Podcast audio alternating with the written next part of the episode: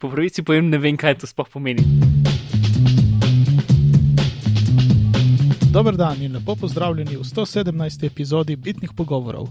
Danes je četrtek, 3. december 2015, moje ime je Alan Renner, z mano pa je Mark Bizil. Živijo, Alan. Pozdravljen, Mark. In pozdravljam tudi naš novitesni potencialni poslušalec Leon. Pozdravljen, Leon.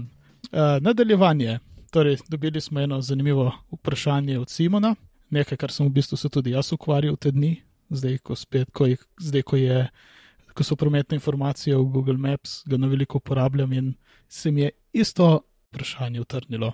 No, Simon pravi takole: Pozdravljeni vsi trije. Pozdravljen, Simon. Danes ste mi, ste mi med prehodom krajšali čas in med drugim ste povedali, da se Google Maps v Sloveniji še ne da urejati.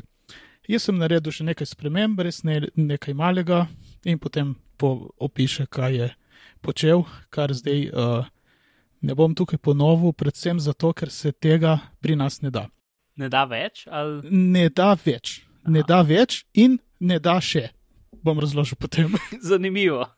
ja, bom potem razložil. No, ker tudi to sprašuje Simon. Uh, da se on spominja, da to je urejal, ampak potem pa ne ve, kdaj in predvsem zakaj so to možnost ukinili. Uh -huh. Podal nam je par linkov, ker je 51 držav, kjer se to zdaj da urejati.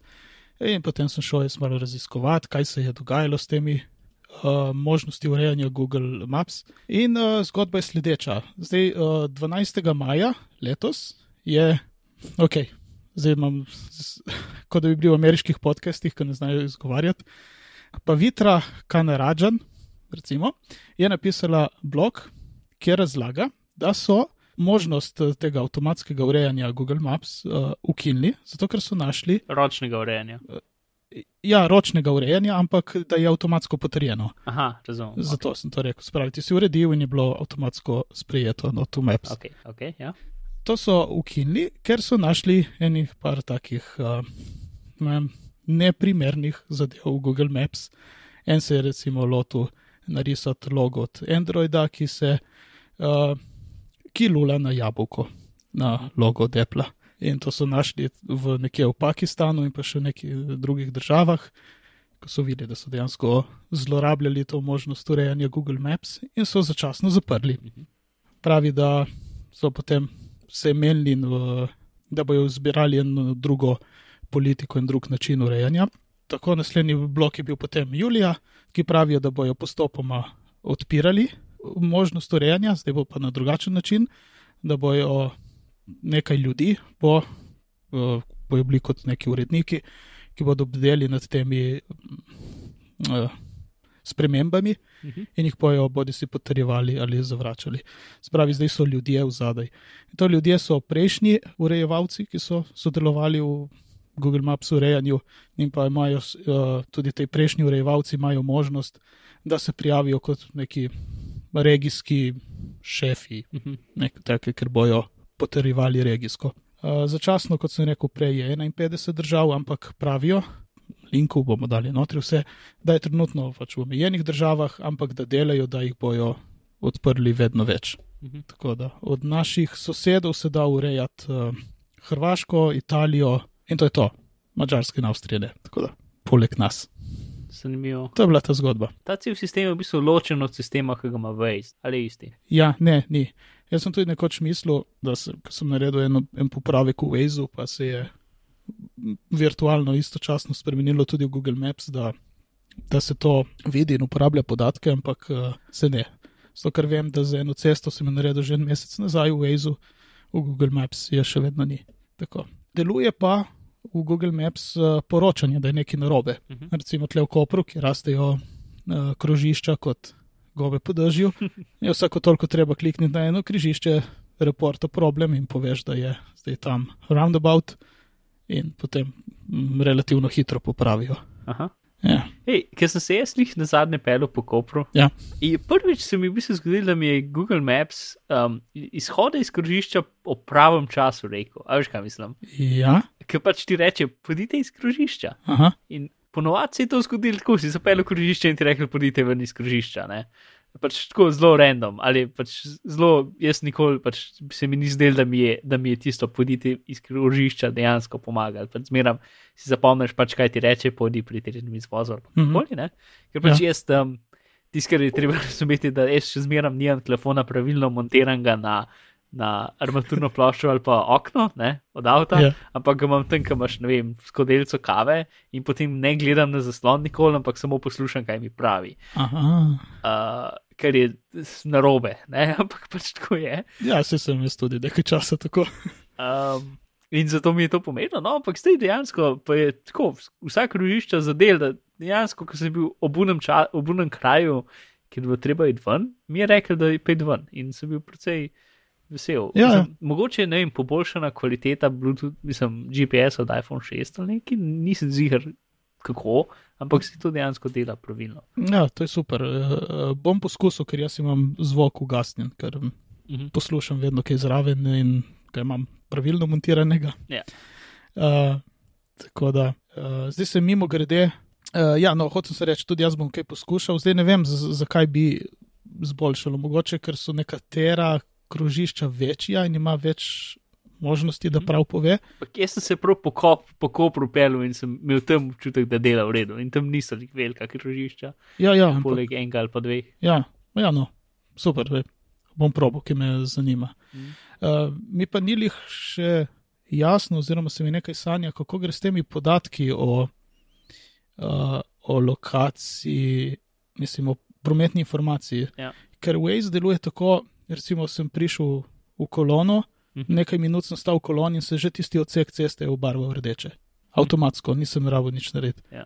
Zdaj pa recimo, če v Google Maps eh, sem prvi, ki pride v kolono, ni nobenega pred mano, še ni nič pobarvano. In kot sem povedal, že zadnjič sem kar nekaj minut že stal notri in se ni nič obarvalo. Mhm. Tako da verjetno, ne verjetno, nekje sem zasledil, da mora iti dovolj ljudi mimo, ne, ne, gre, ne vzame podatkov samo od enega. Mhm. Dovolj se jih mora nabrati in to oni potem nekako procesirajo, da pravijo te napake odpraviti, da ni kakšnih, ne vem, poštarja, ki se skozi ustavlja in podobne. Uh, in še ena zanimivost, uh, ko sem gledal na Google Maps za iOS, Mhm. piše pod uh, tam Terms Services, da z neko verzijo 3 pa nekaj se ne da več v appu ugasniti po, uh, poročanja lokacije. Mhm. Tako da je to nekako skozi. Ampak to je tisto, to seveda to ni zgodovina lokacij, oni location history, Ja. ki lahko izklopiš in ti nek treka. To je v bistvu anonimno trekanje zaradi prometa. ja, in samo takrat, ko v bistvu imaš aplikacijo Ko je- ne. Aplikacija prižgana. Ja. Uh, okay, ja. no, če vas zanima urejanje uh, delati za ston za Google, je tudi bomo dali še uh, video, ker razložijo tam MapMaker. Sicer iz leta 2011, verjetno zdaj kaj drugače, ampak smiselno je še zmeraj isto. Tako da, Simon, hvala za vprašanje. Lepo vas je poslušati, pravi hvala. Uh, lepo je dobiti vprašanje in odgovoriti. Upamo, da smo ste vse odgovorili, če ne pa vprašajte naprej. Mark, ti si pa nazaj na Google Play Mu Music. Aha. Nam nisi to že povedal, ali smo smo Ne, to ja, sem povedal, da, ne, sem povedal, da bom to naredil, ko bo konc meseca in zdaj konc meseca uh -huh. in, in sem nazaj na Google Play Music. In Mhm. celo mi je Google Play dal en mesec za ston. Uh, mm Mhm. -hmm. kot, ne vem, ali, ali so sam pozabili, da sem že kdaj imel njihov subscription, ali pač tako, da če ga pustiš, pa pa priješ čez par mesecev nazaj, ti dajo še enkrat. Pač, ali pa ne vem, v glavnem so mi dali pač en mesec za ston, kot da bi bil spet prvič njihov uh, gost, uh, kupec. Uh, in, uh, in aplikacija je totalno ista, vsaj izgleda totalno ista, kot je bila takrat, ko sem jo zadnji uporabil pred ne vem, petimi meseci, kar ni lih, Mhm. uh, mislim, ne vem, no, ne ima je dobro ali slabo, ampak skoraj nisem pričakoval, da bo to ista, kot je bila.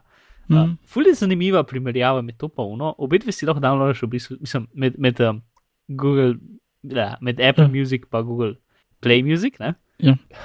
Ta stavek se bo zdaj slišal zelo očiten, ampak je tako, kot da bi obe dvem firmam razložil, kaj hočeš, pa kje funkcije hočeš, pa kako hočeš, da zgleda, in potem bi vsaka firma po nekakšnih svojih valutah naredila isto aplikacijo, uh, ker je res full isto. In je tako zanimiva primerjava, v bistvu, kako lahko pač name- edina razlika je tudi, da je pri pr, pr Play Musicu je pač, navi, moraš swipe, mislim, je hamburger meni, pa imaš tam stvari, in Mhm. v Apple Musicu imaš od spot. Ne?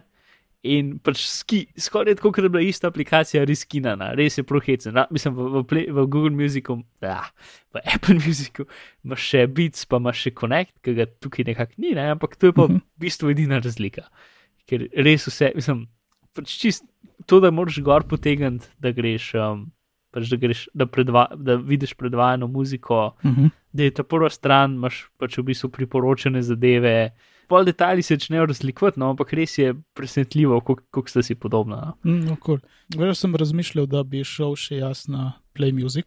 Mhm. Predvsem pa zato, ker jaz zdaj recimo e, uporabljam Apple Music, ampak ne Music Service, pač uporabljam iTunes Smeč. Ja. In uh, se je vse v redu, dokler dela, ampak se, se pravi, vedno se pojavi tisti nek album, ki je, je devet komadov mečt, en pa je uh, uploaded. In, Mhm.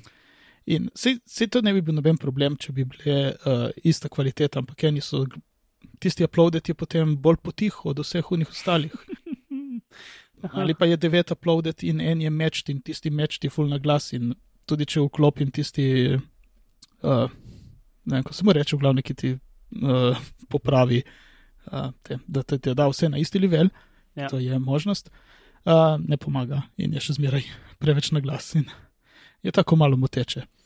Uh, tako da sem hotel testirati in mogoče bom šel tudi jaz testirati, vsaj za en mesec, vsaj tisti fraj mesec, ko je Mhm. uh, testirati Google Play Music, da vidim, ko, ko uploadam tak album, da, da ga prav normalno poslušam. Ja, sej, uh, jaz sem, če še dve stvari, ne. Še zmeraj je to, da sem, pač, ko imaš ti- ko si ti v play screenu, lahko pač čez cel album art svoje paš levo in desno, greš pesem naprej nazaj. Aha, ja. In potem se še nekaj predvaja.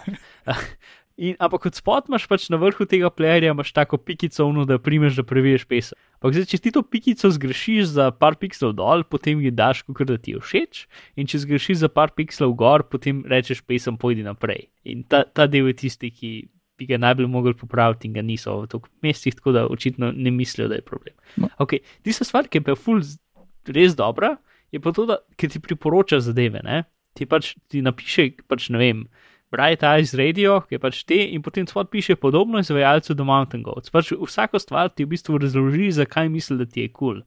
Pač, da, da je podobno čemu, ali da, da si pač več od tega, pač recimo, um, ker ste poslušali že tega izvajalca, tukaj je še en album, ki ga niste poslušali, ali pač pa v glavnem razložiti, zakaj misli, da ti bo všeč. In to ta kontekst se mi zdi, vsaj mene fulbil prepriča, da nekaj, kar nikoli še nisem slišal za to, da mi zdaj kar kliknu predvajaj. Ne? Ker- Mhm. Sploh v, ne vem, pač to sem imel velik problem v, v, v- v Apple Play Musicu, da pač si mi predlagal en kup stvari, ampak sem predvajal eno in je bil, ne vem, jazz in sem bil, no, ok, nočem tega poslušati. Ne? In sem predvajal drugo in je bil, ne vem, pač nek šum, zato ker sem tam dal eksperimental in to pomeni, da mi je predlagal en kup pač albumov, ki so, ne vem, 70 sekund šuma. Ja, ja. Pač, in, in ker je vse brez konteksta in samo una slika, potem sem se pač začel bati, ali no, ne bati, ampak pač nisem bil tok, ne vem, to. No.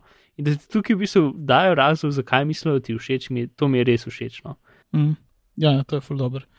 Uh, sej, uh, nek podoben, samo moram, moram odpreti, samo Mhm. mhm. da pridem do tja. Meni je nekako iz, iz vseh teh zadev, ki ti predlagajo podobno glasbo, mi je uh, ful všeč, uh, še zmeraj. Lest FM. Ja, Lest FM ima kar Mhm. dobro to. Uh, dobro, to je mogoče verjetno zato, ker sem tja, ne vem, v bistvu lajkal, ali ko bi rekel, ta usrček 3000 Ja. uh, komadom Mhm. in poslal 81.500 poslušanj, tako da uh, najde. Ampak uh, ima tudi dobro, ko klikneš na en bend, ne glede na te, na tvoje, ima zelo te similar artists, ko so, so zelo podobni. Res, uh, se pravi, niso. Ne vem, podatke zbirajo iz poslušanj, najverjetneje, ampak uh, sem opazil, da so tudi kdaj uh, smiselno uh, skupaj povezani. Eh, Ne vem, če me razumeš, en band Genesis. Uh, verjetno večina, ki to posluša, posluša tisto pop obdobje in uh, bi potem, uh, bi potem verjetno predlagalo podobne, uh, ker so to iz pop, pop obdobja bolj popularno, uh -huh. bi verjetno predlagalo kakšne take bende. Ne vem, kaj bi kdo so bil v tistem času, kakšen mogoče Madonna, Michael Jackson, kaj podobnega, ne vem, kdo je bil takrat v 80-ih. Uh, ampak ne, uh, da jih podobne izvajalce iz tistega zgodnejšega obdobja, ki so bolj uh, izvorno povezani, kar je ful dobro. Uh -huh. je, pač hočem povedati, da je še en kontekst zraven, ampak ja. Ja. Ampak Last FM nima svoje glasbe. No, se, in to je tisto, kar manjka tukaj, da lahko pritisneš play in potem ti to ja, predvaja. To je res. Zdaj je sicer povezano z YouTubeom, tako, ampak zdaj dobiš nek YouTube video. Ja, včasih je, včasih ni. Jaz se zelo rezistiram, da pač ne poslušam muzike prek YouTuba. Ja. To se mi ja, zdi pod nivojem. Meni tudi. Ja, je pa integriran s Spotifyjem. Hm. Ja. In tudi Spotify player ima notri Last FM in lahko tam iz Spotify ima svoj sistem, ki ti priporoča uh mhm. -huh. in ti ponuja podobne izvajalce. Notri je integriran kot en plugin od Last FM, ki ima svoje in potem tiste poberi in si narediš playlist v par klikih. Ja, Spotify je res super in njihova v bistvu odprtost, um, povezljivost in tako naprej je najboljša od vseh. Ne? Ja. Uh, Edini ni na voljo Sloveniji, tako da. Pač jaz nisem to hardcore, da bi šel VPN furat za to. Ja, ja. Uh, plus uh, pač kopovanje in zadeve so verjetno tudi niso super enostavne. Ne, ne. Ne, se, za, se tudi tale za ston verzijo, vse, ne, mislim, že verjetno eno leto nisem poslušal Spotifyja. Mm -hmm. Mislim, da ja, nekaj tašnega. In uh, ja, tudi, tudi uno se je dalo free verzijo poslušati. Nisi jih mogel poslušati točno tistega, kar si morda hotel, uh mhm. -huh. oziroma si v nekem omejenem številu, pol pa ko si dajal naprej, naprej, reklo, e, zdaj pa dovolj, moraš poslušati to, kar je. Ja. Pa občasno je bila kakšna reklama. Na ja, začetku pa... jih je bilo več, pol pa se je enkrat zgodilo, kot cel dan nisem slišal ene reklame. Hm. Sam tu še zmeraj je bilo, je samo desktop, ne? Ne, je tudi mobil. Mislim, za ston je tudi mobil. Uh, ja, je. Ah, okay. Samo imaš zelo omejeno, kaj lahko počneš. Torej, bolj uh, kot Pandora, recimo. Ja, uh, ne še zmeraj si ti lahko. Če se ne spomnim. A imaš lahko svojo knjižnico in potem poslušaš tako mat, ki hočeš, ali pač poslušaš radijsko postajo. In... Veš, da se ne spomnim, ne, mislim, da, da gre to. Ti lahko greš v svojo knjižnico ali ne. Aha, pa, pač vse je podprto z reklamo. V glavnem, še zmeraj rabiš VPN. No. Se ne spomnim, Glej, za mobil se ne spomnim. Je sigurno za ston, uh mhm. -huh. Ampak je fully omejeno, kaj lahko počneš. Ja. Uh, ampak zdi se mi, da bi bilo, da greš lahko v svojo knjižnico in tam poslušaš. Samo ne moreš dati 15 naprej. Hmm. Ali ne, zdaj govorim neumnosti. Ne, nobeno naj nima Spotify, trenutno tako da ne vem. Ne, ne, ne že, se pravi, eno leto ga nisem že uporabljal. Uh, nadaljevanje naslednjič, ja. že ki smo ga omenjali. Pa mogoče, ker še vse smo tudi to povedali, kako se da poslušati. Tako da to ne bomo ponavljali. Ok, gremo naprej na govorice. Uh mhm. -huh. Torej, Apple misli, namerava odstraniti 3,5 mm audio vtič iz telefonov. Uh, zakaj jim ni več všeč? Se mi zdi, da je uh, to pač preveč široko tič za njihove nove tanke telefone. Mm -hmm. Ja. Uh, mislim, da to, to je govorica. Uh, mogoče se bo zgodilo naslednje leto, mogoče se bo zgodilo čez dve leti, mogoče se ne bo nikoli. Čeprav, pač, a veš, čez deset let, a misliš, da bo čez deset let telefoni še zmeraj tako debeli, da bo pasu. Pač, ker že zdaj je to najdebelejši vhod na, na telefonu, ne? Torej, pač, ja, v bistvu mu on daje širino. Ja, tako da, mislim, si jaz vidim, ko bi lahko še kakšen milimeter stran vzel, ampak več kot tukaj pa ne. ne? Mm. Uh, tako da pač je na vrsti. Ja, ja, sej. V, v ja. Apple-ovi obsedenosti z, z, z tankost je definitivno mm -hmm. na vrsti. In zdaj, ne vem, no, jaz ne, ne vem, ko se jih počutiš, te imaš ti kakšno. Ja, tudi tako. Mislim, prvo reakcija se vleja, se je čisto Apple-ska stvar, da to naredijo po drugi strani pa si a, spet omejen, da moraš druge slušalke kupiti.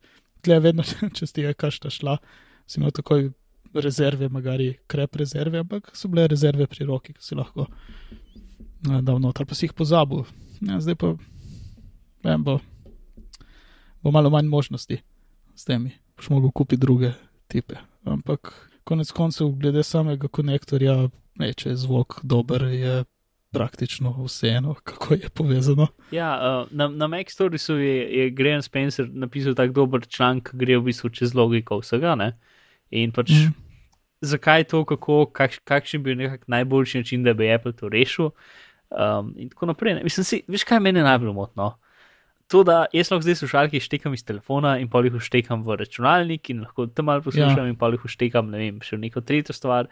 Mislim, ker to dejansko nekaj, kar delam. Da pač poslušam podcast čez telefon in potem jih štekam slušalke, jih štekam v računalnik in potem na hitro en YouTube video pogledam ki je bil jih zanimiv, ja. pa jih štekam in štekam nazaj v telefon in poslušam podcast naprej. Ne? Enako. Uh, in to je nekaj, kar, kar potem ne bi delali, saj ne tako enostavno. Uh -huh. uh, mislim, zdaj se pač imaš pač nek. Uh, Adapter, ne, to bo pač prvi prv korak, adapter, pač lighting adapter, už ja, tega slušalke noter in to. to. Mm -hmm. uh, in bo pač ta adapter živel gor na kablu, in ki ga ne boš rabo, ga boš štekel in zgubo. Ja. Uh, zdaj, problem je pa v tem, kako polniš telefon, pa imaš adapter v bistvu času. Sej to je bilo, to se hoče vprašati, to bo sta dva Lightning ali bo samo en. No, sej to je nekaj, kar, kar, je, kar je problem in ne vem, kako bo rešil. Se mi zdi, da bo rešil tako, da pač ne boš mogel polniti telefona, zdaj, ker boš mi slušalke štekane. Ja. To je pač najlažja rešitev. Ne? Samo to je zelo. Ah, ja. ne, včasih, včasih je telefon prazen in uh, je ura deset in se jih ja. lepo uležem poslušam kakšno zvočno knjigo in telefon je prazen. In, ja. in zdaj pač e, se mi zdi, da je za Apple rešitev bo v bistvu Bluetooth. Ne? Pač Bluetooth je prihodnost, mm -hmm. Bluetooth slušalke so prihodnost. Ja. Uh, zdaj trenutno je hec v tem, vsaj za me, no. meni so, men so zelo izjemno bolj všeč. Airbud, torej une, ta male slušalke, ki jih uštekaš v šesa, ne tiste, ki grejo čez glavo. Ja, meni tudi. Take so zelo, v bistvu obstaja več ali manj samo en model, ki je dejansko v redu, uh, da je Bluetooth in vse druge so znač, ali pa so pač ta velike slušalke. Mm. Um, zdaj, pol še to zakomplicira, če bo Apple potem dal zdraven telefon na take slušalke, ki verjetno ne bo, ker bo znatno bolj dragi, kot tega stanejo 5 evrov. Uh, ker ti izdajo zdraven telefon. Ja, Mislim, da Bluetooth je pol, pač, ok, ampak še zmeram, da jaz unperam Bluetooth slušalke iz telefona in potem jih peram na, na, na, laptop, da nekaj poslušam, pa jih amperam iz laptopa in peram nazaj na telefon, zdi se, da bo trajalo del časa mm -hmm. kot uh, uštekanje. Razen če bo Apple dal neko magično rešitev, ki boš sam tep na slušalke, boš naredil punk s telefonom slušalke in se bo povezal ali nekaj. Ne? Ja. Um, kar bi skoraj znal videti, no? ampak uh, ne vem. Pač, jaz predvidevam, da to ne bo še za naslednjo verzijo, ampak prej bomo prišli do tega in pač se bo treba navaditi. Pač jaz bi rekel, ne vem veliko bolj, pač jaz sem veliko bolj za Bluetooth kot za, za adapterje. Pač, tako da zdaj res samo gledam te Bluetooth slušalke, samo naslednje slušalke. Ja, sam, ne, misliš, da ne bi z adapterjem hitreje menjal iz telefona v. Ja, bi ja. Bi, bi, bi, definitivno. Uh, sam, zdaj sem pravi, pač kaj je boljša taka celostna rešitev. Ne. Mislim, da pač z Bluetoothom je problem, ker pomoraš še slušalke polniti, to še ena dodatna stvar, ki moraš mm. polniti. In pol jih uporabljati, vse ki se polnijo. Zdaj, če so to te velike slušalke, potem to je še nekako je, pa če samo imaš kabel. Ne?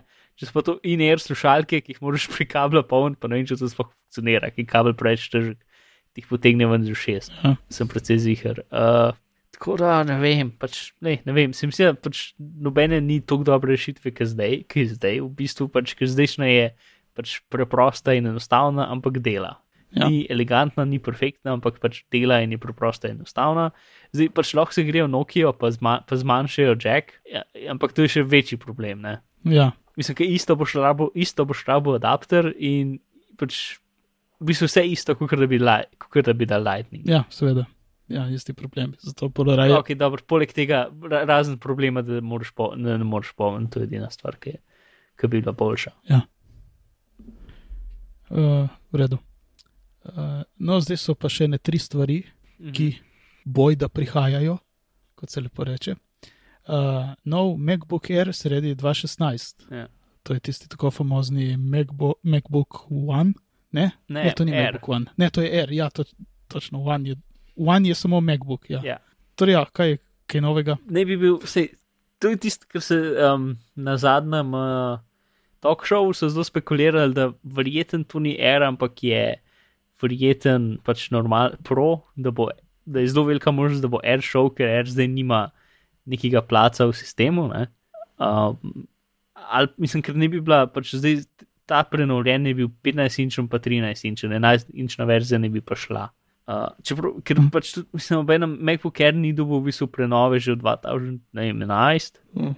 Božec. Uh, tako da je definitivno čas. Uh, čakaj, kaj sem te razumel, da bi nadomestil proja? Ja, to je bila, to je bila gruba špekulacija, da pač, ker itek, itek oni v tovarni, če sam delajo dele in tako naprej, tisto, kar so videli, pač neke plane, tam ne piše MacBook Air gor, tam piše model 6.7N. Uh -huh. Uh, tako da so, in verjetno zaradi tega, ker ima najverjetneje pač uh, os, uh, ni kvadratne oblike, ampak je, je od, spred, od zadaj bolj debel kot od spred, se, veš kaj mislim. Ne? Ja, ja. Pač tako kot so eri. Ja, so zato so predvidevali, da je Air, to je pač grobo reč špekulacija, ampak da je zelo pač, da ne bi bil on presenečen, če bi bil to MacBook Pro, ki je pač zdaj take oblike, zato ker so nekako ugotovili, kako da pač baterijo noter še zmeram. Ne? Mhm. In da bo MacBook Air šel, ker pač A celo, da to ni, pravi, ni prava govorica za er, ampak da bi bila. to je grobo špekulacija in jaz si dokaj verjamem, ker pač Air bi mogel biti lažji od MacBooka in MacBook je, ne, zdaj Ja. Air v bistvu nima nekega placa, ker je v bistvu ta najstarejši, pa naj pač Air trenutno jemlje tisti plac, ki je bil včasih MacBook, normalen, torej ta najcenejši mm -hmm. laptop, ki je približno dober za vse. Mhm. Um, in jaz bi bolj videl, da bi bila pač nova generacija MacBooka, ki bi bolj prišla v Airovo pozicijo in potem, da bi Pro nekako pač zavzel um, to, pač ta osnovna verzija Proja zavzela pozi- pač Era in potem dražje verzije pač Proja, ki bi bilo boljše. Ne vem, pač, to je zdaj čist. Me zanima, kaj bi nec tukaj mislil, ampak ga ni tako da. hm. Ja. Bo povedal drugič. Ja, je, je na misiji bomo. No, sej, se mi zdi, da bo tukaj definitivno malo nadaljevanje, še kaj, kaj si nec mislil. ja, ja sploh. so take zanimive govorice. Yep, zdaj so pač v enem tednu so prišle vse govorice za, za, za, za, za nadaljni par mesecev, za, za, za, v bistvu Ja. za cel naslednji let so prišle zdaj le govorice. Ja, točno tako. No, sej, to, in te dve sta dobre. Mhm. iPhone 6C in 7, ampak ja. Najprej o 6C, tako imenovanem. Uh, kaj je to? To je v bistvu 5C, s- malo na vid, Uh, spremenjen v zmožnosti šestke. Kukor, se mi zdi, da je šestka, ker ne bi imela tudi, uh, pač še zmeraj 4 inčen, torej v velikosti petke, ampak železnim ohišjem v večjih barvah in z notranjostjo šestke, ja. In ne bi šel februarja. Ker so vse te stvari so tako. To je zelo hitro. Ja, ampak uh, mislim, ne, se mi zdi, da je ideja v tem, da bi mogel izideti že zdaj, uh, takrat, ko je se- 6S išel, ampak ga niso še dokončali. Aha. Ampak mislim, vse je tako neki skrb vrženo. Ne vem, pač vse te govorice so res govorice. Ne? To niso me, ma, Megr, na, Meg, Mark Grman uh, novice, ki- mislim, govorice, ki pač je več ali manj, ok, tukaj je slika, kako bo zgledal, pa vse, vsi speksi, pa vse. Ne? To je Mhm. uno, pač nekdo je nekomu nekaj rekel in mogoče bo tako. Uh -huh. Um, čeprav tam ima kar dosti detajlov, no? tako da, ampak še zmeraj vse, vse te so bolj pač te prave govorice, ne une Ja. ja. govorice, ki jih, ki jih Mark Grman dobi, ki so več ali manj resnica. no, pa Eh. dobro, vse tudi ta je taka, uh, ko bi rekel, verjetna, uh, ja. Ja. smiselna. Vem, no. A nismo že enkrat uh, špekulirali, že pred, pred, iz, uh, pred izidom šestke, Ja, da ja. Pa se pa ni tudi- zgodil? Ja, se ni nič, pol niti pri 6S ni bilo. Uh, ja, verjetno, s, verjetno res, marsikdo ima rajši manjši zaslon. Ma, Ali meni se pa, to zdi, ne vem, zdaj sem jaz čist konvertiral, kar se zaslonov tiče. Se mi zdi, da sam misliš, da imaš, manjši, da imaš rad manjši zaslon. to sem hotel tudi jaz povedati, ker sem bil v neki, sem si mislil, da imam rad manjši zaslon. Pa potem, ko sem prišel v trgovino in sem zagledal 6, plus, sem mislil, da je šestka. Mhm. In sem rekel, ma se to sploh ni tako veliko. In pa sem rekel, a ne, a to je šestka, tako majhen je. Ampak ja. Ne vem, mogoče pa je res kdo, ki ima rad a, manjše stvari. Ampak iPhone 7 je pa ta prave velikosti. Mhm. Je tako. Oziroma bo ta prave velikosti. Ja. In kaj nam, uh, kaj se govori, da bo imel? Ja, vse, pač ta, ta novica je precej zanimiva meni, ker je več ali manj, ne vem, no, da je ena izmed tistih, ki je tako kot uh, ljudje, ki napovedujejo potrese. Pač, a, potres bo uh, v, v, tukaj imam listo 60 mest, zihar bo en izmed teh. ne.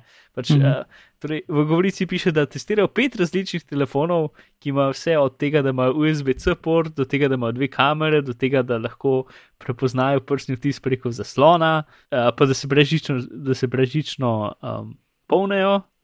In to so vsi različni telefoni, ki imajo vsak to eno pač posebno funkcijo in potem bo iz tega pač izbrali eno ali pa pač ne vem, več stvari ne, za naslednji model.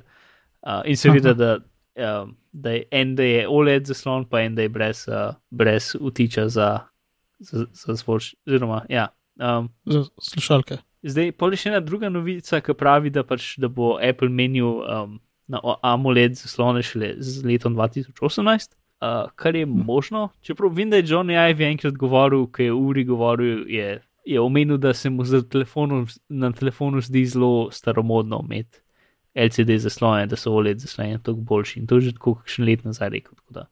Ne. Ja, verjetno bo april. Ja, To bo. to, no. Tako da, v glavnem, pač vse stvari. In vse te stvari so se mi zdeli neki, so stvari, ker app realno tudi na njih dela. Ker vem, da so kupili tisto firmo, ki, ki pač ima uh, sistem, da imaš, da imaš dve kamere. Ne? Mm. In potem z dvemi kamerami v bistvu uh, simuliraš, kot da bi imel full, full večji uh, senzor, pač večji, kot sta ta, ta dva vsak posebej. In lahko dobiš Aha. pač izjemno dobro sliko, ki ima 3D podatke, noter, ki ima svašta stvari noter. Vse lik sem pomislil, to lahko delaš 3D, Ja, filmske 100D. to, ampak ne samo to, lahko v bistvu tudi narediš pač virtualni senzor, ki je toliko večji. Pač, veš, kot imaš um, um, virtualne teleskope, ki v bistvu več teleskopov skupaj povezanih ja. in potem naredijo. -hmm. No, tako isto lahko narediš pač z normalnim fotoaparatom, uh, ista tehnologija. Ne? In, uh, Kul, kul. in je, je fancy in fajn, in uh, bi bilo definitivno nekaj, kar bi Apple lahko naredil, čeprav zgleda malo čudno.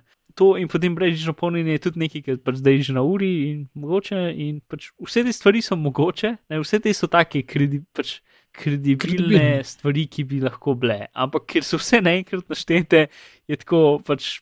mm, Verjetno. Ni, ni neke posebne vrednosti v njih, ker so pač našteli vse, kar je možno. Mm. Uh, in verjetno se bo nekaj od tega zgodilo. Verjetno se bo prelesle vse od teh stvari zgodile, m, ampak bomo videli. Ja, se daš več stvari, pa večje možnosti, da kaj prije ven. ne. Ja. Uh, samo kako pa gre to skupaj, le mislijo se rešiti Lightning konektorja in uporabiti USB-C. Ja. A to ima enak, uh, vtič je enak kot Lightning zaradi slušalk. Veš, ker prej smo govorili slušalke, ena govorica, da bo šle slušalke na Lightning. Ja. Ampak če tle Mislim, se bojo lahko bi rešili tudi naredili USB-C slušalke, ne? teoretično A. se mi zdi. Mogoče. Seveda. Nisem čez jih, če bi, ja, ne, se bi se dal. Sam malo več pametnosti bi mogli imeti noter. Ja, ja res. Si že tudi, že z Lightning slušalke, se mi zdi, da ti uh, konektor rabi imeti nek, nek čipek noter, ki to prevede. Ne moreš kar sam en pin na neki povezati, tako, tako, kar- tako kot si lahko na 30 pinskemu. Mhm. Ja, pa sploh zdaj slušalke so pa itek sami, sami signali. itak. Ja. Ni nič posebnega. Ok, kul, cool, dobro, upam, da bo, bo čim več stvari, da to bo ena beštija od telefona. Smisliš, da ima vse te stvari. Sej, težko, ampak te govorice so se mi zdele kot novice. Uh, ampak zdaj pa, pa imamo še dve novici Aha. o Thunderboltu 3 in USB-ju C, Ja. in pa potem še ena. No, kaj s Thunderboltom? Ah, uh, ena taka z- zanimiva, to je neki, ki v bistvu paše tudi zdravim govoricam, recimo, s tem, da ni bila. To je bolj špekulacija kot govorica, recimo, ker recimo, da je to razlika.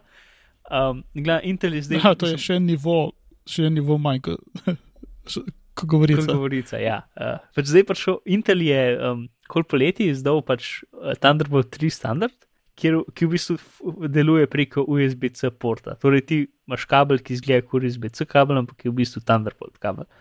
Mhm. Um, zato, ker pač stvari niso bile še dosti zmedene do zdaj. Ampak ob enem pač imaš uh, v ta Thunderbolt port lahko tudi normalen USB-C noter štekaš. Uh, in zdaj je prišel en, ta nova generacija del XPS 15-inčnega laptopa, um, ima dva pač USB-C porta, ki sta oba dva v istem času tudi Thunderbolt 3 porta, kar pomeni, da pač lahko gre USB-C čez, lahko gor dva štirka monitorja povežeš, lahko 40 GB na sekundo povezavo čez daš, pač tu je v bistvu un, ta univerzalen, super univerzalen kabel in vse je pač isti port za vse. Slušalka tudi. Verjetno. Uh, zdaj pač problem je v tem, da pač Apple je že imel. Uh, mislim, jaz sem skoraj 100% zihar, da bo oni šli tudi na to. Mhm. Uh, kar pomeni, da zdaj vsi ti dis, pač DisplayPort, stil Thunderbolt kabli bojo ratali stari in bomo rabili imeti še en konverter, zato da bomo šli iz tega na tizga in potem noter. Ne? Mhm. Uh, ampak pač to je, prihodnosti definitivno pač zelo dvojen, da bo še kakšen uh, laptop, mislim, kakšen Mac računalnik šel, ko imel DisplayPort, Steel Thunderbolt kabel, ampak se mi zdi, da bo vsi taki, ker je pač to tok, tok dober. Ja, ja. Imaš, mojem mislim, ker pač se znebiš enega porta in valjda, dobiš en port, ki je USB-C, ki je super tanek Mm. in imaš noter oboje v istem portu in pač to je direktno narejeno za Apple. Točno, ja. Sem hotel reči enako. In naslednja novica, Swift je tudi uradno postal odprto koden. Mhm. In to je praktično vse. Ja. Če, če, če kdo hoče na GitHub pogledati, pomal, uh, lahko jim zdaj pač daješ predloge in tako naprej. In tam je celo tak roadmap o tem, kako mislijo, da se bo Swift razvil. Uh, ker drugo leto, mislim, ja, pač drugo leto bo delal na neki verziji 3, ki bo v bistvu tista, ki bo bolj ta prava in vse naprej od verzije 3 bojo stvari kompatibilne med sabo. Ker zdaj, če si napisal v eni verziji Swifta aplikacijo, um, je nova verzija Swifta lahko imela take spremembe, da, da ni bilo več kompatibilno med sabo. In to je bilo pač nekaj, mm. kar je pisalo, da je za pričakovati. Od 3 naprej bojo pa kompatibilni med sabo, plus um, vam bojo vrgli. Uh, To je nekaj, kar res ne vem, dosta o tem. No. Ampak en kup Appleovih ukazov ima NS od spred, ker je še iz Nexta. Uh, ja, Uh, pač ne vem, pač razni ukazi, v glavnem imajo vsi spred NS pa ukaz. Ne. mm, vem, to, Um, to je. Se mi zdi, da so tudi v nekateri so tudi v, v Swiftu še zmeraj tak in z verzijo 3 bojo vsa NS stran vrgli. Tako da, Aha, prav, vse bo šlo. ja, mislim, Ja, to so v bistvu Swiftu, ne. tiste, tiste knjižnice še od. Uh, Ki je imel Objective-C, to je ono, Ja, ono malo mrvico, kar vem, ki, ja, se, ki, je, ki je spet iz, iz Nexta, kot si ja, rekel. ja, iz 90-ih. ne. Ja. Tako In, da bo šlo to končno v Swiftu stran, v, Object- v Objective-C bo valjda še ostal, ja, v Swiftu bo šlo pa stran. No, ampak pač, ne vem, mogoče bi lahko enkrat Leo povabil nazaj, da nam še kaj o tem pove, ampak uh, ja, zdaj je open source. In tisto, kar je bilo tudi zanimivo, kar sem videl na Twitterju, um, spet to je bilo tako dve ure nazaj, tri, tako da ni, to je sveža novica. ja, saj za naju iz preteklosti. Ja, Uh, mogoče bomo kaj pač še zvedeli vmes in bo pol naslednjič v uh, nadaljevanju. V glavnem, um, take two. Uh, narejen je, da dela tudi na Ubuntu, kar je ful zanimivo. Na 64-bitni verziji Ubuntu krnela. Uh, pač sam, uh, ne vem, kompiler in zadeve, da pač teče tudi tam, ne samo na pač, uh, Darwin krnelu. Misliš, da aplikacija, ko je. Ne, aplikacija ne. Uh, Ne, sam, um, ja, v bistvu aplikacija, čeprav ni noben, pač to je bolj server stil, ne, ne zdaj uniji deli verjetni, ki so za izgled in ki ja, pač, v AI ne. Ja. ja, te stvari, ki kličejo neke do, do, stvari iz, izven uh, tega kita, verjetno ne, ampak same pač te neke osnovne zadeve so ponarejene, da delajo na. Na Ubuntu, ser, pač prednjem se. No, sej, špekuliranje je to, da ima Apple v neki, neki svoje notranje serverje za neke zadeve, ima Ubuntu pač serverje in bi oni hoteli sami aplikacije v tem delati. To je špekulacija, kar je Vidiš. zanimivo. Ubuntu je res za vse, humanity for all. Mhm. Ja. Uh, je, po 40 minutah, vsaj, oziroma 43, vsaj naših, ja, zdaj ja. verjetno ja. realnih, je bistveno manj. 37. recimo. 37. Sej, uh, zdaj ni nejse, tako da lahko daljša epizoda, ker nima nobenega za. Ja, ja, se, eh, zdaj Preganjati. Mark naj, naj jo nihče ne more ustaviti. Lahko imamo temo, lahko imamo paranoični kontiček, lahko še priporočila. Yep. Uh, ja, lahko bi še kakšne serije, še nisem pogledal Humans. A res. No. Še dve epizodi imam. Gla, zdaj je Fargo, pač Fargo se zdaj uh, še dva dela sta in je. V tem žanru bo najljubša serija kdajkoli, res je dobro. To je lepo slišati. Uh, ta žanr je pa tak črna komedija, crime, drama. Mm. Uh, ne vem, bolj mi všeč kot Breaking Bad. Super, lepo slišati, ker eh, mislim spodbudno za gledati. Uh, kaj pa film si gledal, če smo že pri tem? Sem gledal, ja, serija mi je bolj všeč kot film. Film je Ja. zelo s 90, ne vem. Ja. Pač, tak je. se povezuje ali je to tako? je- Prva sezona se povezuje, in druga mm. sezona je čist nekaj drugega. Pač, um, je v, v drugem času drugo vse, še zmeraj je približno ista lokacija, tako da imaš še zmeraj te super naglase in tako naprej. Mm. Um, ampak je, pač je, um, ko se reče, antagonist. Antagonist? Ne, kot uh, zgodba, zgodba, ki je pač vsaka sezona je čisto svoja, tako kot True Detective ali pa karkoli, to je zdaj rado popularno. Ne? Aha, ja, dobro, pač stoji samo zase. No. Ja, Ali kaj si, ne vem, kaj si hotel reči. Anthology, A, antološka. verjeten. Po pravici povem, ne vem, kaj to sploh pomeni. Sam vem, da, da se mi zdi, da to pomeni, pač, uh, da deli niso povezani med sabo. Antologija je zbornik leposlovnih stvaritev. Cool. V oklepaju najboljših leposlovnih stvaritev. Uh, Uh, A gremo iz, uh, iz kotička um, film, z, uh, televizijskih priporočil na, na, na darila, oziroma na temo. na temo, ja, današnjo temo. Uh, poslušalci so nam, vsi so nam oni to predlagali, da bi spet naredili Ja.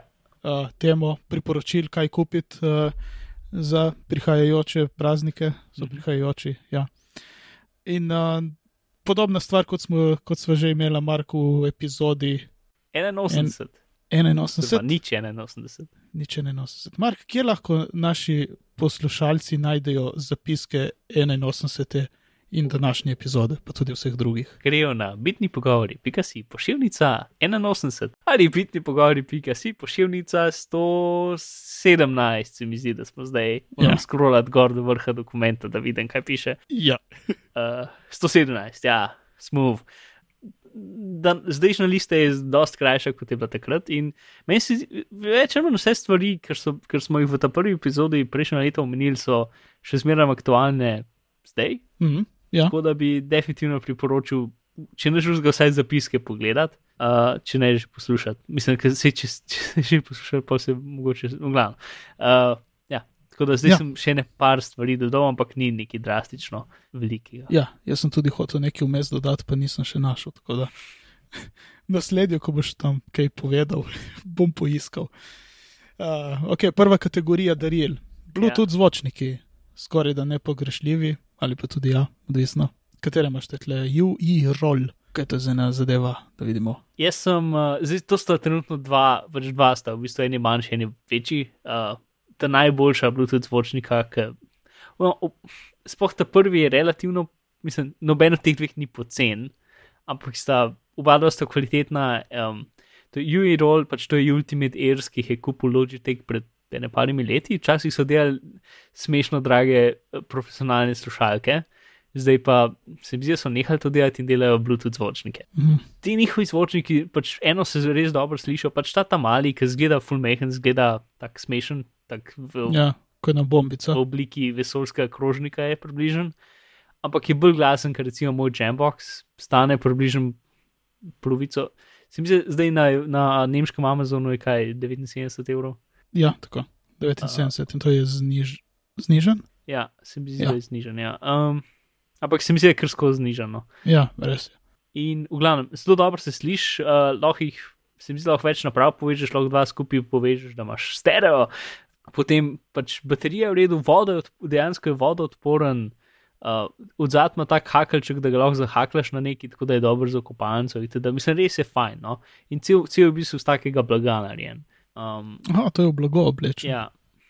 Tako in, in UI Boom 2 je pač večja verzija tega, uh, in ti se, mislim, spet, pač ta rol je tako v redu za doma, pa za tako eno sobo, in un Boom je dost za pač celo večjo sobo. Un je, če bi jih primerjal z Jambox, je pač rol je kot normalen Jambox in Boom je kot ta velik Jambox.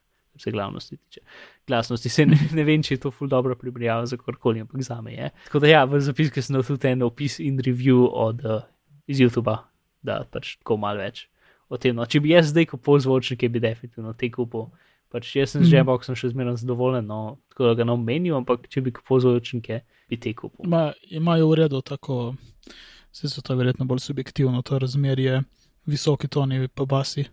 Sicer, Ja, mislim, kolikor lahko basov da ven Bluetooth zvočnik. Nekako na vseh testih sta ta dva kot najboljša Bluetooth zvočnika za ta cenovni razred. Mm. Jaz sem tudi enega, sicer nisem gledal testov, Mhm. kaj dosti. O, gled, le na nemškem Amazonu ima samo eno oceno. Mhm. Mogli pogledati onega uh, uh, na mer na pika.com. V glavnem je to je ametist, M1, uh, je za 70 evrov, Harvey Norman, tako da za tiste, ki hočejo takoj ga kupiti in nočejo naročiti in čakati, Mhm. lahko grejo, ker itak v- na nemškem Amazonu je tudi uh, 69 evrov. No. Tam, tam. Ja, boljše je iti v Harvey Norman, ker pač nimaš 10 evrov poštnine. Uh, ja, točno. In uh, uh, je tako, dovolj dober. Uh, mene uh, je dovolj glasen za uh, podcaste, Mhm. jaz ga večinoma uporabljam za to. Tudi za glasbo je ok. Ob, uh, samo mene tako malček moti, da nima lih to razmerja, visoki pa basi, gre bolj v smeri visokih, nima tašnih basov, predvsem, eh, č- ko, ko daš na glas, pa je večji prostor, se ne sliši tako dobro. Ampak za ga imeti na mizi, pa poslušati tako podcast ali pa glasbo, ne preveč na glas, ali pa v avtu se tudi zelo dobro izkaže, ker jaz namreč imam še en kasetnik in ne morem ni z njim. Mhm. Pa je tudi avto prestar, da bi karkoli se splačalo menjavati radio, tako da fliknem ta zvočnik not in je, se pravi, za podcaste je odličen, se dovolj sliši. E, A si kdaj probil kakšen video gledati, Ja, ja sem, eh, sem a dela Ko- v redu? dela normalno. Pač film iz iTunesa, pa Ja, tudi iz. To je eh, nekaj, kar imajo Bluetooth zvočniki, pač zato je bil v bistvu Jambox, je bil skoraj unikaten takrat pred leti, ker je bil edini, ki ni imel, nič, je imel toliko malo lega, da nisi opazil pač Ne, lega sploh nisem opazil. razlike med, ker dosti Bluetooth zvočnikov, no to je ena stvar, ki je zapaziti pri bolj poceni zvočnikih, da imajo toliko zamika, da je dejansko, če gledaš video, pač ni več sinhroniziran pravilno. Ja, ne, jaz nisem opazil nič tega. No, se to je Pa bi, ker, ker bi me taka stvar zelo hitro zmotila. Ja, ja. Se, In- verjetno bi bil Nate še kakšno full pocen priporočilo, sem ga ni, tako da ga nijemo. Ja, Uh, bo tvitnil on svoje priporočilo. Yep. uh, naslednjo je Raspberry Pi 2 in ne kupovati zero, razen če imaš točen namen. to, si- ja, to si jaz to napisal. Ja, Uh, se sem moral prebrati. Uh, zakaj? okay, pač Kaj ni fajn tam mali? Dobro, verjetno zdaj ga ni več ali je, mislim. najprej, najprej Raspberry Pi 2. Uh, Ja. Pač v Sloveniji je nekako najbolj kupiti v HTE, ki ima tako tri poslovalnice po Sloveniji in so najcenejši in pač jaz tam večino stvari kupujem in so full prijazni in fajn. Edini njihova spletna stran je absolutno grozna. In mi se stane tako do 10 evrov manj kot kjerkoli drugi trgovini v Sloveniji. Mhm. 36 evrov se mi zdi, 38 evrov. Se mi zdi, da je drugače po 40, no vse vse. Um, Ja, nekaj, nekaj tašnega je. Ja, in uh, pač, mislim, meni je ful všeč, ker se lahko pač imaš en računalniček, ki v bistvu je tako relativno pocen, da se ti ni treba ful pač bati, da boš kaj zasrol z njim in obenem je na SD kartici, kar pomeni, da če kaj zasedeš, lahko mod formatiraš zelo enostavno. In Mhm. pač lahko, lahko miško pa ekran odštekaš in pa imaš pač lino škatlo, ker se lahko zafrkavaš, ali pa delaš vse stvari prek terminala in imaš lahko pač, mislim, ne vem, jaz zdaj imam ta medijski center, pa prej pač včasih smel tor, pa nek tak mali strežniček, pa pač svašta stvari lahko naštimaš. No, mislim, res je fajn za se igrati, no. Pa lahko si recimo svoj lastno oblak narediš, sinkanje, downloading škatlo, pač Mhm. Yep, to sem mali, mali računalniček za zelo malo denarja je, pač zdaj, zdaj pa. In plus, ja, Ja, sploh pa za se učiti, kaj. Ono, Ja, plus, ker je Raspberry Pi lahko dobesedno za vse dobiš tutoriale. Ja. Ne, za pač za Debian, Linuxe in za res pač napišeš Raspberry Pi, pa karkoli hočeš in boš dobil tutorial. Plus gor ima pine, kar pomeni, da ga lahko uh, povišaš na ne vem zvočniku, uh, da ko nekdo pozvoni, ti uh, pošle SMS ali pa nekaj. Pač, uno, svašta stvari, lahko kamere gor poješ, lahko krane gor poješ, vse mogoče lahko narediš z njim. ja, v bistvu, nebo je meja. Yep. Pač, ne vem, prijatelj si je naredil uh, tak zelo pocen alarmni sistem iz Raspberry Pi. Mm. In, uh, Ja, jaz, Ja. jaz za mojega še nisem. Sem ga največ rabil za osebni oblak, uh, z BitTorrent sinkom, je funkcioniralo super, dokler ni enkrat zmanjkalo elektrike, tako trikrat zaporedoma, v ja. par minutah in, in se ne bota več. In, A, in še wow. vedno nisem kupil HDMI kabla, da bi to pogledal, kaj se dogaja. A, wow. okay. Ne, si mislim, da imam občutek, da se prižge, ker lučke vse gorijo in nekaj se dogaja. Lučka tudi utripa, Mhm. oziroma ne vem, je utripa. Ja, ne. Uh, mislim, da neki, mislim, da je softversko samo. mhm. Tak je moj občutek, ampak nisem še raziskal. ja. A ja, pa Mhm. eno spletno stran sem imel notri, lokalno. Mhm. En knjižnični sistem, tak. v- Pro, pro, preprost. Aha, cool. V glavnem, v, pač, uh, ste druga stvar, ki se je tako, da um, pač, če za koga kupuješ ali pa zase, ne, je v hiši ena stvar, ki je super za, ki je tako, dokaj pocen darilo. Če Večino ljudi, ki jih jaz poznam, pa tudi jaz imam pač Raspberry Pi. Brez v hiši in zmeraj razmišljam, hm, ful bi bilo dobro, če bi en dan kupil v hiši ali pa ga naredil, ampak ga nikoli ne. Ja, ja, kupi ga, ful, ful dobro zgleda. Jaz sem zelo. Ja, če, če, bi kdo podaril v hiši za, za, za praznike, bi bil jaz super vesel. Verjetno ga imaš v Amazonu pod wishlist. Ali ga ni Eh, tam. Nimam, ne, Ne. nimam niti višliste, ampak ja, pač sem tako prav. Pa če poznaš koga Ja. v življenju, ki ima Raspberry Pi, pa nima hiša, bo zihar zadovoljen. Pa pač v hiša so relativno poceni. To. Zdaj pa zero, ne? Uh, Ja. ja. Eno je to, da ga trenutno ne moreš kupiti, ker so več ali manj vse podarili za ston preko uh, posebej revije. Uh, pač Ja. ja. Vse je full fine, da je pač 5 uh, funtov, ne vem, bo to verjetno bo 8 evrov ali ne vem kaj bo. Ja. Moj problem s tem je to, da pač, kar se tiče procesorja, je v bistvu močnejši kot originalen Raspberry Pi in Rama, se mi zdi, da ima isto ali pa več. Mhm. Pač, po specifikacijah je v bistvu je boljši kot originalen Raspberry Pi. Ja. Edin povezljivost, pač on na sebi ima dva mikro USB porta. En je z elektriko in en je za vse drugo. Kar pomeni, da če hočeš ti noter vštekati konco ali pa karkoli, moraš kupiti razdelivc. Nujno. Aha. Ja. Uh, potem ima, US, pa, ima pač mikro HDMI kabel, nima normalen HDMI, kar spet rabiš drug kabel. Ampak to spet ni tako velik problem. Največji problem, če hočeš imeti omrežje, rabiš imeti USB razdelivc in potem še adapter iz USB-ja na pač LAN ali pa, ali pa iz USB-ja pač un konektor za, za WiFi. Mhm. Pač v bistvu, zato, če ga hočeš uporabljati, rabiš imeti full nekih konektorjev in zadev. In za, zato se mi zdi, da ni tako uporaben, kot bi se slišal, da bi bil. Pač Mhm. bolje je mogoče, da ga uporabljaš kot nek Arduino, zato je verjetno full v redu. Čeprav spet, če hočeš gor na pine stvari vštekaš, moraš, eh, ne pride s pini, ampak pride samo na, uh, z luknami na matični plošči in potem moraš pine ti sam nalotati gor. Ah, kakšen užitek. Ja, um, predvidevam, da bo verjetno prodajal kakšne mal dražje verzije, ki, ki je to že nekdo naredil zate, ker uh, pač unipini so zelo skupaj in če nisi dokaj v redu v tem, jih je v bistvu verjetno ne fully enostavno zlotati gor, Mhm. uh, da niso, po, da niso nič povezane. Ne. Čeprav, mislim, kupaš dva, pa se na enem učiš in na drugem si že dober.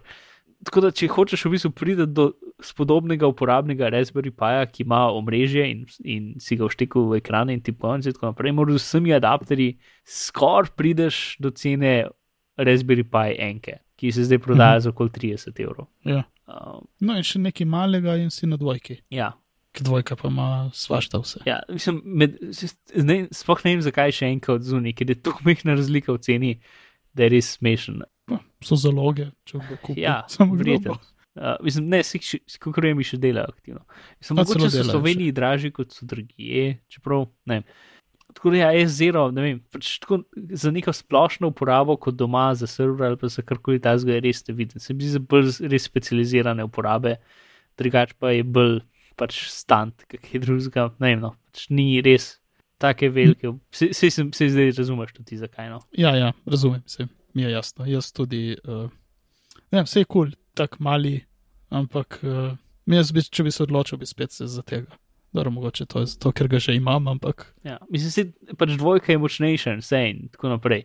Jaz sem pač, kar hočem reči, to, da je pač 5 funtov in ker je full fine cena, ampak če rabiš imeti 6 adapterjev in ne vem, či, ne vem kaj vsega, zato da je dejansko uporaben, nisi full velik naredil s tem. ja, pol imaš veliko teh, teh žic vse naokoli in ti zasede več prostora, ko, ko sam dvojka. To definitivno zasede več prostora. Ampak tudi pač dobiš, če že nimaš vsega tega doma, potem moraš tek tek to dokupati in potem si tistih pač 5 funtov. Uh, Ja. ja. Ni to real, pač realna cena. Ne? Razen če imaš mm -hmm. pač neko to zelo točno uporabo za točno tisto stvar. Ok, se mi zdi, Yep. da smo, smo to obdelali. Uh, ok, še nekaj zabavnih stvari. Um, Povej. En je dron, ker pač vsi hočemo, vsi, mislim, ne vem, vsaj mene ful fascinirajo droni Ja, ampak pač nikoli ne morem si, uh, vsaj za, ta, za, za tak ta prav dron, pač nikoli ne morem upravičiti tega nakupa. Um, je pa en mini dron, ki je, ki je relativno pocen. Uh, da je to 41 evrov. ja, to- mislim, si, ta je pač mehen je zelo. Uh, ampak to je ta najboljši dron za najmanj denarja. Gor ima kamerico in snema na SD kartico, pač ti na samem pilotu ne vidiš, kaj vidi. Ne?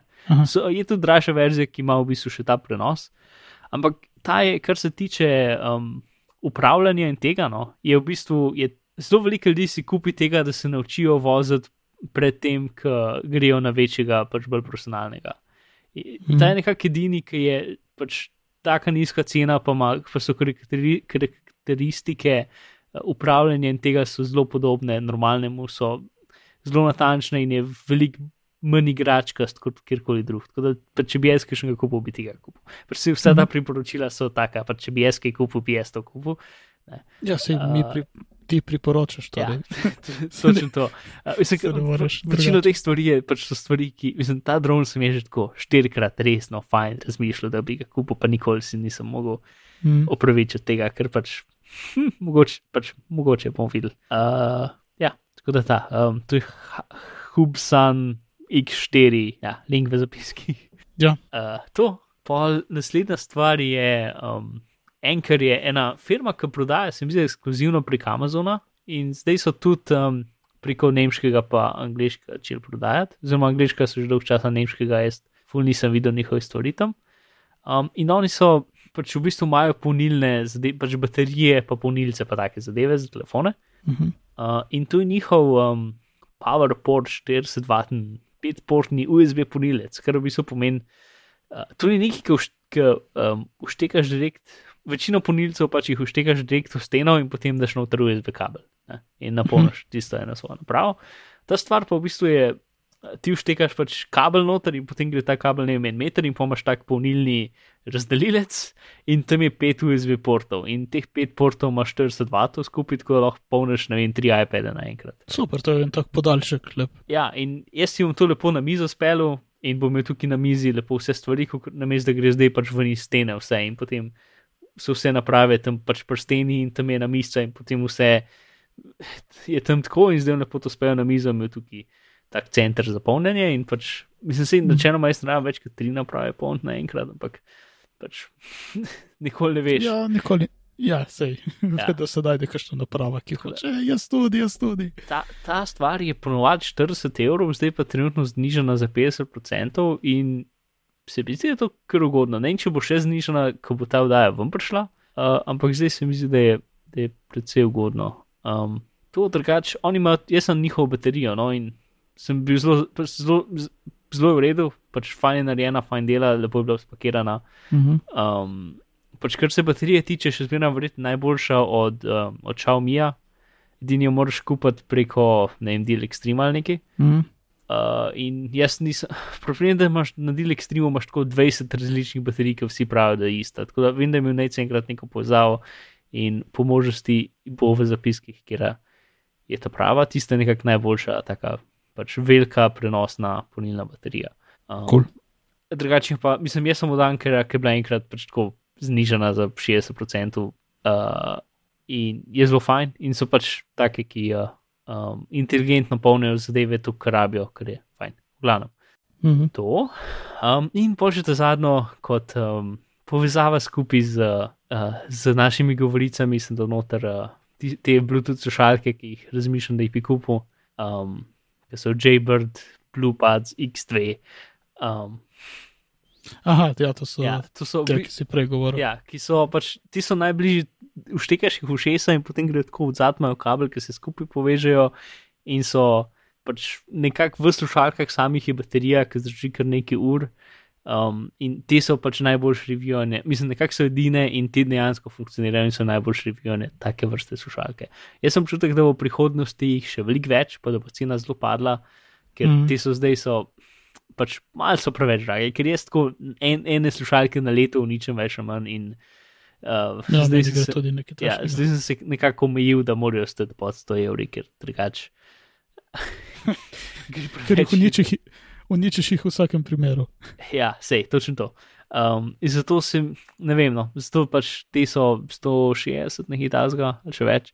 Um, kar je velik, mislim, pač v enem, pač ja, imajo še Bluetooth notograjeno, pa imajo nekako miniaturizirano baterijo, ki, pa še v velikost slušalk. In vse to je res, ampak občutek, da pač če bo pač brežični iPhone.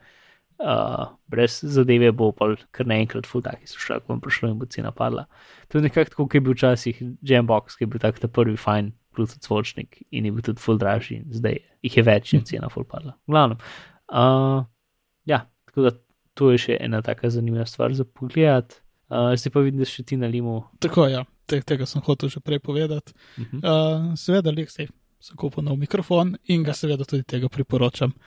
Ampak ga, ga priporočam tako za podcastanje, če kdo si želi narediti kakšen svoj podcast ali pa ga že dela, pa bi rad menil mikrofon. Uh -huh. Uh, res, zadeva je ne, super, bolj ne morem biti zadovoljen. Sicer še le drugi podcast, druga epizoda s tem mikrofonom, ampak uh, je, je čisto ta prava stvar, ga montiraš na roko in tam, tam je in ostane in dela. Uh, je pa to mikrofon, ko lahko imaš še tisti klasični uni, Uh -huh. Tako da lahko tudi greste na oder z njim, kaj zapojete, kaj Aha. zaigrate. Ja. In ja, in v bistvu cenejši je, če se ga vzame na amazon.com, Uh -huh. 55 plus 37 z poštnino in uh, uh, temi davki, Uh -huh. na nemškem pa ne vem zakaj je 200 evrov, tako konkretno. Wow. Ok, zanimivo. A pa si gledal, če ga imajo kje v Sloveniji, v kakšni trgovini? Uh, ne, da nisem še pogledal, ampak naredimo to zdaj takoj na hitro, v živo. Aha. Verjetno boš ti prej, ker moj, tle, moja povezava. Ne vem, kje pa ti to gledaš? Uh, najprej sem šel pogledat na ceneje.si, če je, pol pa. Ampak ga ni. Ja, uh, če kje zgrem na eno uh, Audio Pro stvar, ker razkrat kupujem zadeve od njih, pa imajo tako v redu spletno trgovino, mislim v redu, pač imajo spletno trgovino in prodajajo zvočno, profesionalno zvočno premo. Tukaj ga ni. Ker pač na, na cene bi skoraj rekel, ker ne vem, da bi to imeli na ne vem, mimo vrste, ne, ampak imajo, če imajo, kje imajo pač v bolj specialnih Mm. trgovinah, ampak v to eno, ki jo jih poznam, pa vem, da imajo stranka, ima vse gor, da mi ni. tako Da. Jaz bi rekel, Ja, da se ga verjetno da dobiti v Sloveniji, Uh, ja, treba ga iskati. ampak ja, Ja. kul. Cool. To bo skrb zmontirati v neki, ki ima dejansko smisel. Sej, paranoični kotiček ali končamo. Uh, f- jaz bi skoraj dol, še paranoični kot ti, mislim, lej. No, dobro, z- zakaj pa ne? Markov paranoični kotiček uh, in prva, prva točka, uh, Let's Encrypt je v javni beti. A si nam že kdaj povedal, kaj je Let's Encrypt? Verjetno ne. Uh, si? smo že kdaj omenili. To je ena kul cool, cool projekt, kjer uh, pač v bistvu dobiš za ston ta najbolj osnoven certifikat, zato da imaš pa lahko HTTPS na strani in je pač full simple, ti to downloadaš na svoj strežnik in potem z eno komando ti vse naredi. In to je to. Pač, Ne, zdaj pa res ni nobenih. Uh, in, to so, in to so certifikati, ki so prepoznani direktno od browserjev, je res? Njihov lasten certifikat še ni priznan znotraj browserjev, ampak je podpisan z uh, osnovnim certifikatom od ene od firm, ki pa je prepoznana, tako da zdaj tudi je njihov. Uh, čez leta bo pa, ali pa čez čas, ne vem kdaj bo pa browserji tudi prav njihov določen certifikat izdal. In te so pač, um, te so ta najbolj osnovni certifikati, ki v bistvu pomeni, da je HTTPS, ampak certifikat ne, ne jamči nobenega, da, da bi kdorkoli preveril legitimnost te spletne strani. Uh, Mhm. Ker imaš pač v bistvu tri nivoje pač certifikatov. Eni so te, ki nič ne preverijo, eni so te, ki pač, ki ti daš v vlogo, nekdo mal pogoogla tvoje ime, in pa so oni, ki so EV certifikati, ki so oni, ki pišejo vse zelenem uh, za banke in tako naprej, ki so pa pač super ultra preverijo, da je res ta prava stvar. Ne? Um, in te certifikati so te drugače včasih stali, ne vem, 10 evrov, pač s tem so za ston plus, pač če imaš ti Nginx ali pa Apache, pač tu inštaliraš, rečeš, naredi mi certifikat, enter in boom, naredi vse. Vse naredi in sam reload server in imaš HTTPS. Uh, in je tisto, kar je, Lepo, kar je kul. Cool. Ja. No, že vidim, to lahko bi dal na mojo spletno stran in potem jo dal ven in dal še ta certifikat. Hm. Dobro, se bomo igrali, kdaj še kaj s tem. Uh, spravi, to je v javni beti, zdaj je za testiranje, Ja. ni še v. Ja, ampak Nekaj- zdaj lahko, pač zdaj lahko to downloadiš in narediš. narediš in imaš certifikat, ki bo dober. Hm. In se mi zdi, da ne bo treba menjati. Mislim, ne vem to, točno, koliko časa ti certifikati zdržijo, preden jih moraš menjati. Se mi zdi, dve leti nekaj tasga. Nimajo pet? Pet je čez jih. no. preveč. Se mi zdi, Ah. se mi zdi bolj, zato ker so taki, ki niso dosti preverjeni, da je zato manjša cifra. Hm. Plus lahko jih za, za aplikacijo lahko od, odpokličeš itd. V glavnem, fajn, Mhm. za ston, super. Fajn. Ja, to je super, zdaj res ni. Tiste, ki morajo biti zaščitene, nimajo več izgovorov, da ne bi bile. Klitko, pač tukaj je ena stvar, ki ful ljudem ni jasna. Tudi meni ni bilo jasno do pred kratkim, sorry, zdaj moram še to reči. Ja, povej. če greš ti s HTTP stranjo, ne, um, HTTPS stranjo nekam, Ja. URL strani ni za. Zato, ker jaz sem doskrat mislil, da je tako pač, če bi te nekdo prisluškoval tvojim zadevam, ne, pač še zmeram vidijo URL, ne vidijo pa, kaj je samo vsebine strani. Jaz sem zmeram mislil, da je tako. Ampak ni tako, če, če je stan HTTPS, tudi URL, samo IP, se, samo IP, na katerega se povezuješ, je zabeležen. Tudi sam URL ni zabeležen v bistvu.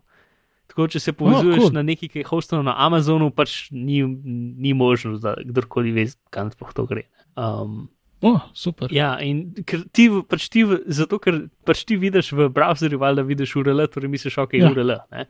Ampak ja, če je HTTPS stran, u- tudi r- URL sploh ni zabeležen, mislim, ni razviden ven iz tunela. Je tudi šifriran. Ja. No, to ne. Ja. Um, A, cool. nekaj, niti, ke- niti jaz nisem ja. vedel tega. Jep. Zdaj sicer nisem nikoli posebej predvideval, da ni, mm, ampak potem, kar si ti rekel, bi tudi jaz tako razmišljal, da ne bi bil. Zanimivo. Uh, kot je zanimivo to, da so neki kromutičniki bili uh, zelo poredni. mm, poredni. Ja. Uh, oziroma so še vedno zelo poredni. Uh, torej, ja, ene par vtičnikov, ene par takih, ki ima um, po več sto tisoč um, uporabnikov. V, v Terms of Service so imeli neki, da, da lahko beležijo, kaj delaš. Ne? Ampak to, to, je, to je zelo tako. Ja, lahko bele, mislim, beležijo vse, kar delaš sploh. Um, in če imaš ti nek adblocker inštaliran, oni še zmeraj beležijo vse, kar delaš sploh. In potem to prodajajo v razne baze. In pač te um, preiskovalci iz Def- Detectify Labs so, pol, um, so naredili en server, ki je bil samo na njihovem omrežju in je imel eno stran, ki je bila unikatna, ki je bil pač neki, nek unikaten podatek gor. In potem so 14 ur potem so šli, so šli iskat po eni ti strani, kjer lahko kupaš te podatke, in so videli uno, pač so videli točno tisto stvar. Um, je srč Mhm. najdel, pač nekaj, ker so oni hostali na svojem privatnem strežniku, ki ni šlo nikoli na internet. Uh, kar pomeni, da lahko tudi pač tako le iščejo um, pač ključne besede znotraj vem, dokumentov v Dropboxu. Uh, če, si šel, ti, če si ti pač vstopil v Dropbox um, preko spletnega umestnika. Ja, in si imel eden od tistih zlobnih. Ali pa če si kliknil na Dropbox linke. Ne? Uh, ker pač v O, bistvu zabeleži grdo, grdo. vse URL-je in, vsebi, in dosta vsebine vsega, kar brskaš. Je Predvsej, pač v večino teh zadevah pač v nastavitvah rečeš, ja, nočem več pač podpirati um, oglaševanja. Ne? In pol to izklopi, ampak je po defaultu požgano, in pač, ni, pač ne misliš, da bo to, to naredil. Ker recimo en izmed teh je emoji input, ker ne vem, če na Chromu še zmeram tako, ampak včasih ti ni kazal emojijev. Uh, Uh, ne, se jih kaže. ki so pač bili na spletu. Čeprav se mi zdi, da zdaj ti jih, ampak čeprav input je v bistvu to, da imaš tako tipkovnico, ker recimo verjetno na Windowsih ne vem, kako enostavno je prije do emojijev, če hočeš pisati. Mhm. Ja, Uh, ali pa en je tak, ki ti spremeni barvo na Facebooku, um, ali pa en je super, super blok, ad blocker. Um, ja. Safe browse. ja, safe browse. Uh, pač, ti so eni, pa ne vem, en je Hover Zoom, ki ima super, super veliko uporabnikov, ki je nekaj v zvezi s tem, da, uh, ok, ne vem, kaj naredi, kliknemo gor. Uh, priš, ja, seveda, odstranili so ga iz trgovine. hvala. Um, Predvidevam, da ti zuma slike, če havraš čez njih. Um, Mhm. Ja, v glavnem, no, polka so Google to obvestili, je en kup teh um, aplikacij misteriozno zginilo, mislim, uh, vtičnikov misteriozno zginilo. In tudi hec je v tem, da um, kako so sploh prišli v kol tega v Googlu, je, da so v bistvu pač dele svoje kode um, pač maskirali in da so jih ali kasneje naložili noter, ali da so bili pač B64 kodirani itd. V glavnem, pač vtičniki lahko naredijo karkoli na tvojem, pač v brskalniku, lahko vidijo karkoli, še preden pride čez adblock in tako naprej, tako da jim moraš res zaupati. In pač Wow, imajo vsi, vtičniki, ja, vsi vtičniki imajo iste privilegije. Mislim, v bistvu tebi rečejo, kje je privilegij, jim daš, ne? ampak ponovadi pač piše, lahko vidim spletne strani, Ja. uh, ker pač pomeni. In to je to. ne. Ja, sej. Ker če, če, pač, če lahko eno stvar spremeni, pa lahko vse spremeni. Ne? Pol je pač samo od tega, da ti uh, zaupaš, mislim, da pač uh, avtor naredi pravo stvar. Ne? Mislim, Mhm. vsi vtičniki za Chrome so po defaultu v bistvu narejeni z JavaScript in spletnih tehnologij, tako da jih vse lahko preveriš, kaj je noter, ampak moraš to narediti. ja. Uh, tako da, ja. to je bila zanimiva in taka odprta. Od, Si imel ti inštalirano kaj tega? uh, ne, nič od tega. Ja, jaz Ampak ti. sem definitivno šel čez pa vse tiste, ki vem, da jih ne, mislim, ker niso nujni od uninštaliral. Hmm. No, jaz tudi sicer na, na Meku ne uporabljam Chrome, ampak na Windowsih. Ja, Ja, jaz ga imam A. kot pač geto brskalnik, če rabim flash. Ne. ja, je, ko, ja jaz tudi. Za flash. Ja. Uh, kaj sem hotel povedati? je- Ja, kaj pa ta, ta iskalna vrstica, ki iščeš in order to continuously improve and maintain the software we work with, to praktično mm -hmm. najde te, te, uh, te vtičnice, vtičnike, ki imajo to zlobno kodo. Očitno je en izmed teh uh, fair share, se imenuje, um, pač, ki v bistvu uh, kos kode, ki jo dajo uh, razvijalci pluginov v svoj plugin in ta kos kode potem dela vse te zlobne zadeve. In mm. očitno ima pač zraven tega pride en tak um, disclaimer, ki Mhm. ga dajo očitno v dosta razvijalcev v svoj pač opis. In če, ja, če iščeš to stvar preko Chroma, lahko vidiš vse, ki pač uporabljajo ta um, fair share uh, advertising. Ja, so v bistvu no, platformo. Preko katerega koli brskalnika lahko najdeš. Ja, in trenutno mi najde uh, 68 rezultatov, kar v bistvu ni tako veliko rezultatov. Zanimivo, meni 62 Google. skrivnosti. Uh, no, potem sva praktično. A imaš tekešno priporočilo? Um, a ti bi ful rad povedal ta progres? To bi rad povedal ta progres. Jaz sem nekaj imel. Si lahko pa sam več priporočilo, sej. Ma, glej, zaradi mene je v redu. Mark, kaj nam priporočaš? Ki nismo dovolj priporočali celo epizodo. Okay, ja. Demo še eno. Ja, okay, zdaj, Ampak zdaj, to je uradno priporočilo, Yep. tisto je bilo bolj tako. uh, ker Neca ni in me ne moreš staviti. Uh, to je ena stvar, ki jo zdaj že tri epizode hočem priporočati. In je ta najbolj zabavna igra, ali pa jaz bom temu rekel igrača, ki sem jo downloadil na telefon v zadnjih parih letih. Predtem je bila ena stvar za iPad, ki smo imela win, uh, čaki, Windows Seal. Ja, Windows Seal. Ki pač je tako taka aplikacija, s katero se sam igraš, nima nobene take posebne um, točk ali pa česar koli, ali pa cilja, ali pa česar koli, ampak pač je zabavno in se igraš in ti dela veselje. ne.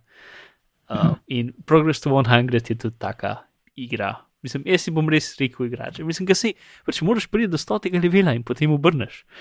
Um, Uh, ja, se ti poveže ime. ja, uh, ampak cela igra je v bistvu temelji na raziskovanju interakcije med tabo in telefonom. Torej, pač vse, na, Okej. vse, kar vidiš na zaslonu, zdaj prvi level piše First Touch. In potem klikneš zaslon in si naredil ta prvi level. Oh, Um, in v bistvu pač, ce- cela igra je v bistvu so zanimivi načini interaktiranja med tabo in telefonom. Pač ni nobenih, samo na telefonu, pač na zaslonu piše tak velik tekst in kar narediš, pač to je za naslednji telefon. In potem zdaj piše swipe to unlock in potem swipe na v bistvu imaš namig, Ja, na mik in pol moraš in pol je uganka, kaj moraš narediti. Ne, zdaj piše touch and hold, ok, držim prst na zaslonu. Pač ta prvi ste sam navadil, kaj narediti. ne. Ok, zdaj piše two fingers, ok, dan dva prsta gor. Um, no, to zgleda zanimivo. in potem, ok, hold device upside down. Zdaj sem ga, a, zdaj sem ga, brat, ne, šmal, ja, ok, evo. Uh, zdaj piše right to left, swipenemo z levo proti desni. Okay. Zdaj piše Ma- 5, ok, kaj 5 pomeni 5 prstov, 5 prstov gor, bom narejeno. Itd. V glavnem, 100 levelov je pač ta zgradiskovanje in potem rata skozi teže, skozi bolj zanimivo. Pač na enem nivoju sem bil jaz tako dva dni zataknen. In Wow, a veš, kaj tisti, pa sem pričakoval, da ne bo takih. je en je bil tak, ki potem, a veš, kaj je unok, ko ugotoviš in je super očitno. In potem Ja. ja. se počutiš neumen. Mislim, meni, to je najbližji igri portal, ki je zelo taka, ki sem jaz do zdaj imel mm. na telefonu, čeprav je čist drugačen, ki je pač fulbel osnovno. Uh, Ja. Ampak, pač, ne vem, stane 2,99 se mi zdi in je res. Pač, načeloma, če greš hitro čez, je samo pol ure zabave, ampak se splača. Plus, jaz sem to zdaj že dal trem različnim ljudem, tako pač, ker sem bil pri nekomu, pa nismo imeli nič za delati, sem rekel, naj igraj se in smo šli čez in je bilo full over. Um, ker pač, ja, vse, vsa interakcija s tem, da pritiskaš stvari po telefonu in telefon ti piše na zaslonu, ali pa ti, ti pač neka ženska reče, kaj treba narediti, in to je to. Uh, ampak je ena zato njih iger, ki ne razumem, kako je že deset let iPhona, pa še ni bilo teke igre. Cool. Evo, si me prepričal. Ja, progress to 100. Ti me ful lahko prepričaš v razne take Ja, igrice. mislim pa plus to, če, če imaš. Mislim, igre. Ja, če igre. imaš kakšnega nečaka ali pa kitazga, ki je ne vem, med uh, 10 in 14, jim daš to in bojo eno uro um, zadovoljni in se bojo igrali. Uh, Aha, super. ok, zdaj sem to dal dol iz prst, ker že imamo tri tedne, sem tisto moram to priporočati, kaj to govor. Uh, Ti je le ratalo, vidiš, Ja, ja. določene želje izpolnil, ko ni neca. Kaj- kaj sem naredila s to epizodo?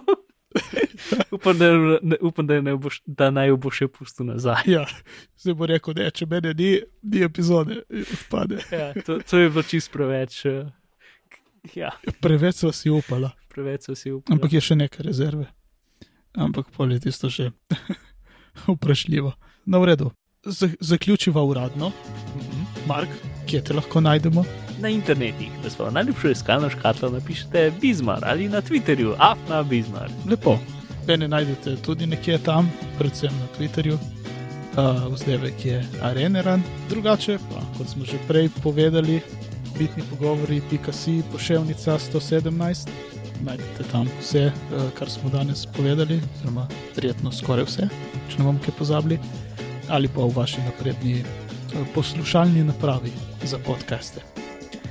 A, Na Twitterju smo bitni pogovori, elektronska pošta je bitni pogovori pri gmail.com, najdete nas tudi v Slacku na bitni pogovori.slack.com ali pa na spletni strani kliknite tam desno en gumb.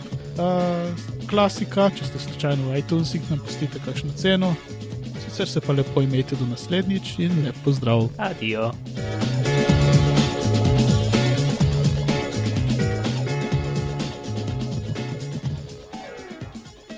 Super.